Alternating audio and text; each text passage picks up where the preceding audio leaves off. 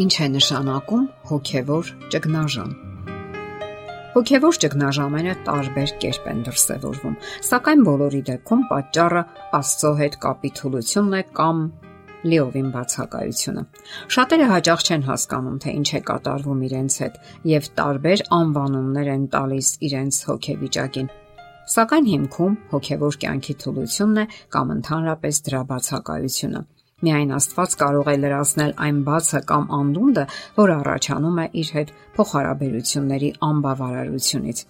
Մարդը սովորաբար որոնում է կյանքի նպատակն ու իմաստը, իսկ երբ չի գտնում, ընկնում է դեպրեսիայի կամ հոգևոր ճգնաժամի մեջ։ Աշխարհում գոյություն չունեն հավերժական կամ բացարձակ արժեքներ, եւ դա կարող է տալ միայն Աստված եւ իր սահմանած օրենքներն ու կանոնները։ Խոսենք հոգևոր ճգնաժամի մի քանի դրսևորումների մասին։ Դուք տխրում եք։ Անբացատրելի տխրության մեջ եք եւ մտածում եք, որ ստեղծագործական ճգնաժամի մեջ եք։ Իսկ միգուցե ընդհանրապես չգիտեք ինչով զբաղվել եւ ամեն ինչ նյարդայնացնում է ձեզ։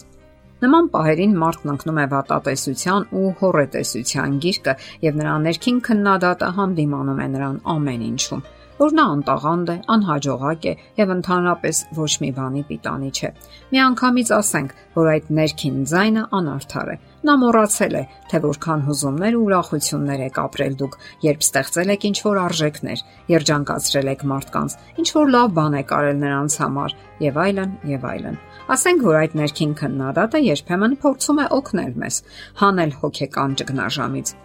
Ասենք, որ այդ ներքին քննադատը երբեմն փորձում է օգնել մեզ ճգնաժամից հանել, ուղի ցույց տալ, հասկացնել, որ մենք կանգ ենք առել եւ մտել ենք փակուղի։ Սակայն բոլոր դեպքերում անհրաժեշտ է հասկանալ, թե ինչ է տեղի ունենում մեզ հետ։ Հասկանալ մեր ներքին վախերն ու անհանգստությունները եւ փորձանել դուրս գալու այդ վիճակից։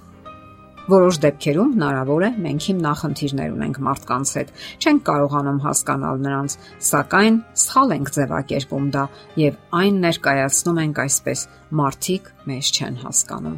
Ահա թե ինչու անհրաժեշտ է պատասխանել մի որոշակի եւ կարևոր հարցի. ով պետք է հասկանա եւ ում։ Իսկ միգուցե դուք պետք է հասկանաք ձեր կողքիններին Ձեր կողքին քայլում են վիրավորված ու հուսահատ, հիասթափված մարդիկ։ Նրանցից շատերը վշտի մեջ են, անարթարությունների զոհեր են, ունեն ներքին ու արտաքին հիմնախնդիրներ, եւ հենց դուք պետք է հասկանաք ու օգնեք նրանց։ Հոգևոր կյանքի սկզբունքներից մեկն այն է, որ օգնելով ուրիշներին մենք օրհնություն ենք ստանում Աստծուց, ուրախություն եւ բավարարվածություն ենք ապրում։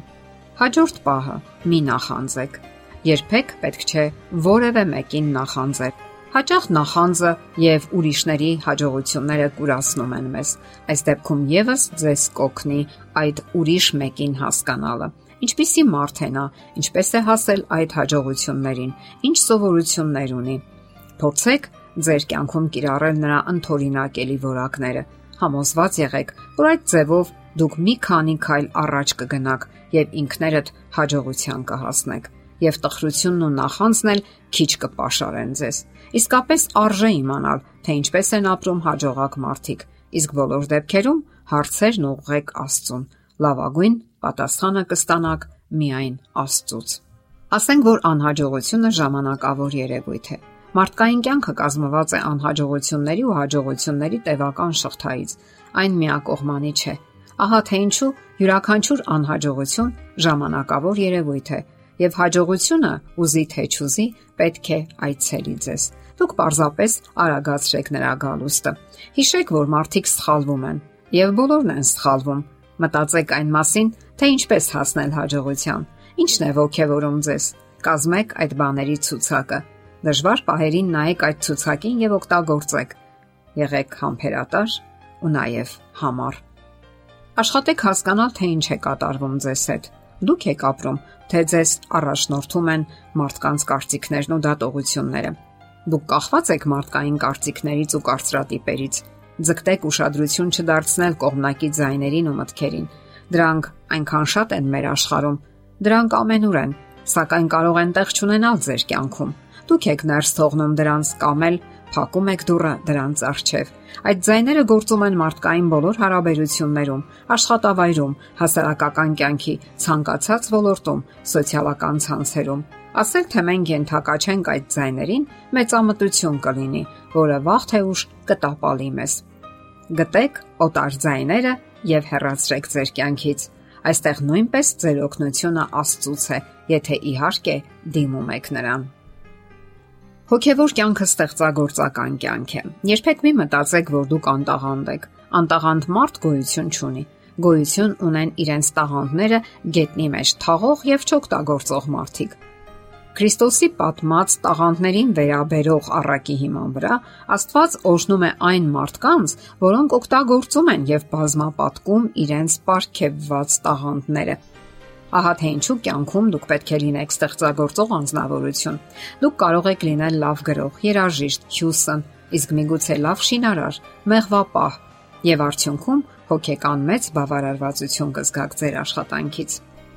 Դե ի՞նչ, նորովի վերականգնեք ձեր փոխհարաբերություններն Աստծո հետ եւ ճգնաժամն ինքնին կանհետանա եւ դուք անգամ չեք էլ պատկերացնի։ Դե ի՞նչ, նորովի վերականգնեք ձեր փոխհարաբերություններն Աստծո հետ եւ ճգնաժամն ինքնին այնպես կանհետանա, որ դուք անգամ չեք էլ զգա։ Եթերում է ղողանջ հավերժության հաղորդաշարը։ Հարցերի եւ առաջարկությունների համար զանգահարել 033 87 87 87 հեռախոսահամարով։